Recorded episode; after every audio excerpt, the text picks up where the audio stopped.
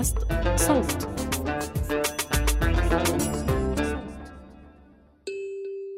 مرحبا يا أصدقائي. معكم سلام قطناني وراح أقدم لكم بودكاست معلوم من إنتاج صوت. هاي المرة بدي إياكم تركزوا بصوتي وبس وبس وبس وبس. وتسمعوا شو عم بحكي منيح. حابة كالعادة أعمل الإشي اللي بحبه بإني أقدم لكم معلومات حلوة بس هالمرة بالصوت والتجربة رح تكون حلوة كتير. على كفالتي.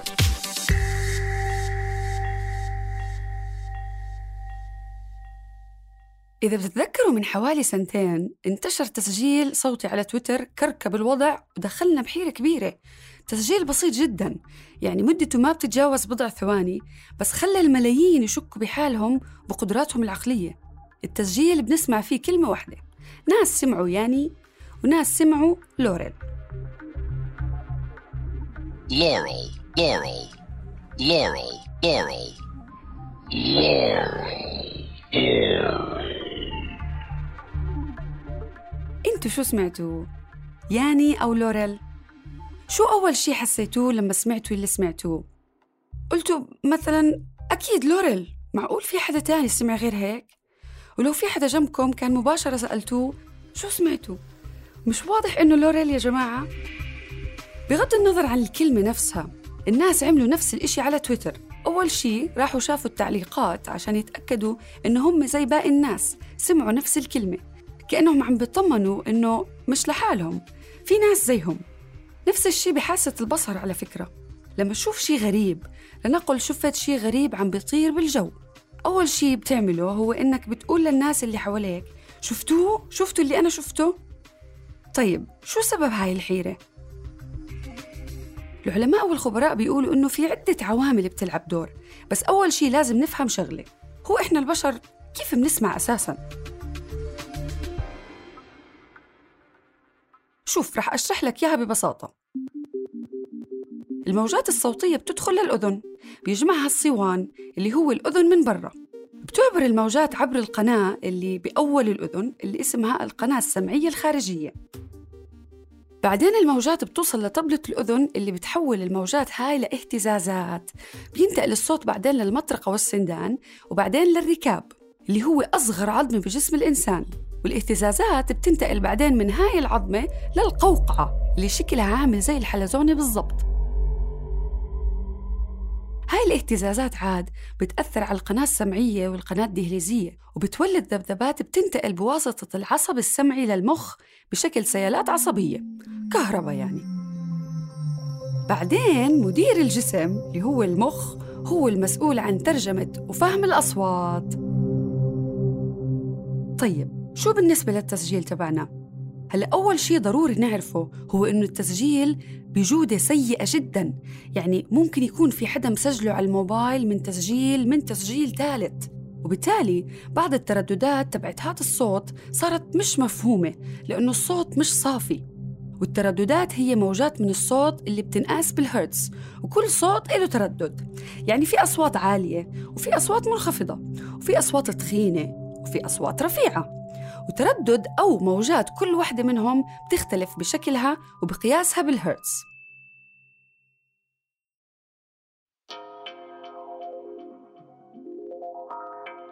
خلينا نشوف الأستاذ تايلر باراشوني الباحث بعلم الأعصاب بجامعة بوسطن. شو بيحكي لنا؟ هلأ بالنسبة له أول إشي سمعه هو ياني. بعدين ياني بعدين صارت لوريل. وخلص علقت معاه على لوريل. وما عنده أي تفسير لهذا التغيير المفاجئ على فكرة. هلأ في تفسير بعلم النفس بينطبق على هاي الحالة بيسموه bistable illusion أو وهم ثنائي الاستقرار بالعربي. وهو لما تشوف إشي بيتفسر بتفسيرين لكن عقلك بيقرر يعلق على تفسير واحد منهم. وأكيد شفتوا هذا الإشي بال social media كتير. في صورة مشهورة لشي ممكن تشوفوه بطة أو ممكن تشوفوه أرنب. هي هاي الحالة تماماً اللي بنحكي عنها. بحالة التسجيل تبعنا رداءة التسجيل حذفت منه الأصوات اللي ترددها منخفض واللي هي ضرورية جدا لنفهم معنى الكلام ويكون واضح بالنسبة إلنا. تايلر قالنا إنه التسجيل الأصلي لوريل بس بسبب التشويش بعضنا صار يسمعوا ياني طيب هذا الحكي يعني إنه في ناس سامعين ياني وفي ناس سامعين لوريل وما فهمنا ليش في ناس هيك وفي ناس هيك. هلا الترددات بتختلف بين الأصوات والأحرف.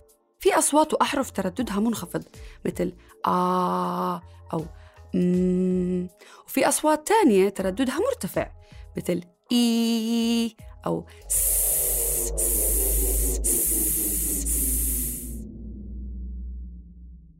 بمثالنا كلمة لوريل خصوصا إذا بنلفظها باللكنة الأمريكية لوريل ترددها منخفض. أما كلمة ياني فترددها مرتفع. يعني ولما نسمع التسجيل اللي تضخمت فيه الترددات العالية بسبب التشوه والتحريف في ناس رح تسمع هاي الترددات العالية المتضخمة وتسمع كلمة يعني. في احتمال إنك سمعتي لوريل لأنك كبرتي بالعمر أو لأنك حضرتي حفلات موسيقى بصوت عالي كتير أو بتستخدمي سماعات سيئة مثلا. المهم هاي كلها عوامل بتضاعف القدرة على سماع الترددات العالية وبالتالي ما بتسمع ياني بتسمع لوريل. في تحدي انتشر على ال social media بهذا الخصوص بخصوص العمر يعني. تسجيل بيشغلوه قدام أطفال وشباب صغار وناس أكبر من ال 30 سنة. هلأ حسمعكم إياه. 3 2 1 سمعتوا شيء؟ إذا سمعتوا صوت مزعج فتمام. أما إذا لا فما بعرف شو بدي أحكي لك. يعني أنا صار فيني نفس الشيء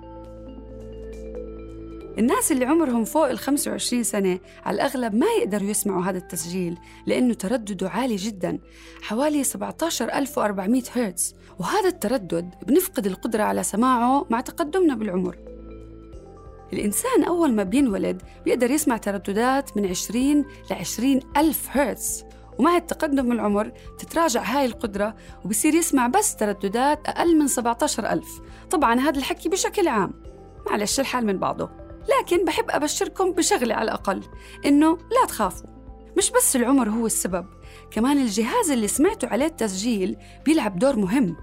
ممكن إذا ال bass فيه عالي مثل سماعات الموسيقى ممكن الترددات العالية بالتسجيل ما توصلكم. ممكن الموبايل أو اللابتوب كمان يعملوا نفس الشيء وبالتالي تسمعوا لوريل بدل ياني. الموبايل مثلا بيفلتر وبيلقط مجال محدد من الترددات من 600 هرتز ل 3600 هرتز وبالتالي الأصوات ذات التردد العالي بيروحوا bye bye. مع السلامة. يعني إذا سمعت التسجيل لحدا على الموبايل على الأغلب يسمعوا لوريل. العامل الثاني هو مش بس الموجات الصوتية اللي سمعناها بل بالموجات الصوتية اللي متوقعين تسمعوها الصوت اللي سمعناه هو كلمة لوريل بس بما إنه جودة التسجيل سيئة هذا الإشي بيفتح باب للتكهنات وكل شخص بيحط بباله كلمة من كلمتين وبالتالي عقله بيخليه يحس حاله سمعها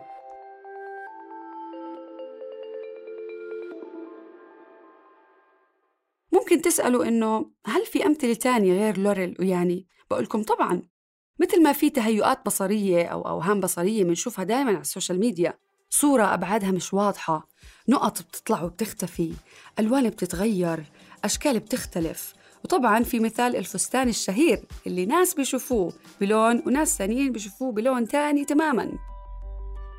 كمان في إشي تاني اسمه أوهام صوتية أو تهيؤات صوتية موجود أمثلة عنها. عندك مثلا Shepard tone أو glissando illusion اللي بتحس لما بتسمعهم إنه عم بيطلعوا بالطبقة للأبد وهو إشي مستحيل طبعا بس بيتهيأ لك هذا الإشي.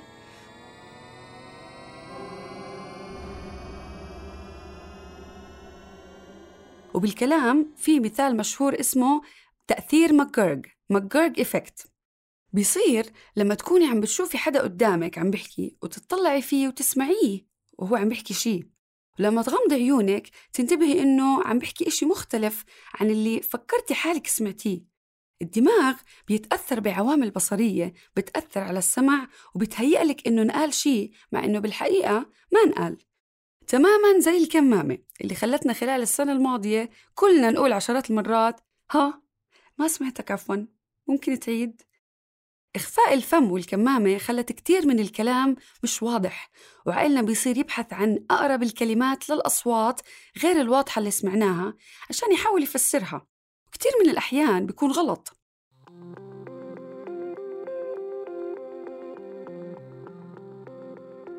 طيب هاي حكينا عن مشكلة الصوت واللخبطة بس ما جاوبنا على السؤال الثاني اللي هو ليش كتير مهتمين نعرف إنه اللي سمعناه مثل يلي الناس سمعوه؟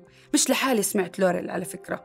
كل الناس أو أغلبهم سمعوا نفس الشيء أوف يا جماعة شو إنه مريح إنه الناس مثلك وإنك مثل باقي الناس. مش بكل إشي طبعا بس إنه ما تطلع غريب عنهم. للإجابة على هذا السؤال إحنا محتاجين لمساعدة أحد أصدقائنا الحيوانات. الحوت. آه آه الحوت. لا تستغربوا. وهذا الحوت حقيقي والعلماء بيضلوا يدوروا عليه عشان يسجلوا ترددات صوته. وقد يموت وحيدا مسكينا بدون ما يلتقي بحب حياته. يا حرام. الحوت هذا قصته ممكن تساعدنا إنه نفهم هاي الظاهرة. بيسموه الحوت الأكثر وحدة في العالم. ليش يا ترى؟ الحيتان بيتواصلوا مع بعض تحت المي عن طريق إصدار موجات صوتية بدرجة معينة. إحنا البشر طبعا ما بنقدر نسمعها. الحيتان الذكور بتصدر منها هاي الموجات بتوصل لعند مين؟ لعند الإناث الحلوات يعني بيتقدم لها عن طريق الموجات والحيتان الإناث يا بتقبل وبصير في نصيب يا لا. هلأ صاحبنا الحوت المسكين هذا في عنده مشكلة إنه بيصدر الموجات الصوتية بطبقة مختلفة عن اللي بيسمعوها الحيتان وهو حالة خاصة. لهيك العلماء بيظنوا إنه هو حالة نادرة بالمحيطات. بس ما فهمنا شو مشكلته؟ يعني الحزين بينادي على الإناث وما بيسمعوا محطوط بال friend zone غصب عنه. لا عم بقدر يتواصل ولا عم بقدر يتزاوج مع حدا. وصار له سنين عم بيدور بالمحيطات وينادي. ويدور وينادي. ويدور وينادي. وما في ولا حدا سامعه. قصة هالحوت المسكين بنقدر ناخد منها فكرة الحاجة للانتماء. الحيتان وغيرهم من الحيوانات بتحتاج تكون بجماعة. سرب يعيشوا مع بعض ويتفاعلوا مع بعض ويحموا بعض. إحنا بحاجة لطرف تاني أو مجموعة عشان تقولنا إنه أنتوا جزء منا. نقدر نستخدم ضمير نحن لحتى نحس بالحماية والانتماء. وهذا الشيء بنشوفه حوالينا بكل مجالات الحياة. لما نشجع فريق كرة قدم معين مثلا بنحس بحاجة إنه نكون جزء من ناس كتار بيحبوا نفس الفريق وبيشجعوه. بيشجعوا نفس اللاعبين شايفين نفس المباريات فرحوا مع بعض لما فاز وزعلوا مع بعض لما خسر ويوصل هالشي حتى لل social media زي ما شفنا. بتصير تتابع صفحات بتشجع هذا النادي وتشوف تعليقات الناس وتنبسط إنه في كتير ناس غيرك شافوا الحركة الفلانية اللي عملها اللاعب أو الظلم اللي عمله الحكم بالمباراة. ترتاح من جوا لما تشوف إنه أنت مش لحالك شفت هذا الشي. في ناس بتأكد لك عليه ونفس الشي صار مع هذا التسجيل الصوتي. كل شخص دور على الناس اللي بتأكد له اللي سمعه وتقول له إنه إحنا معك أنت مش لحالك بس بشكل غير مباشر.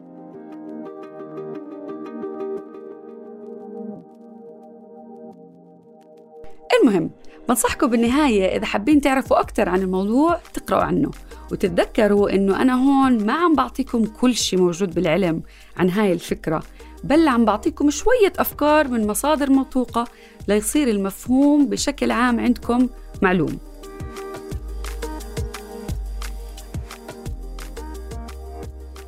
كتب هاي الحلقة لصوت بشر نجار حررتها صابرين طه أنتجها صوتيا محمود أبو ندى قدمت لكم إياها أنا سلام قطناني. بتمنى تكونوا استمتعتوا وبشوفكم بالحلقة الجاية.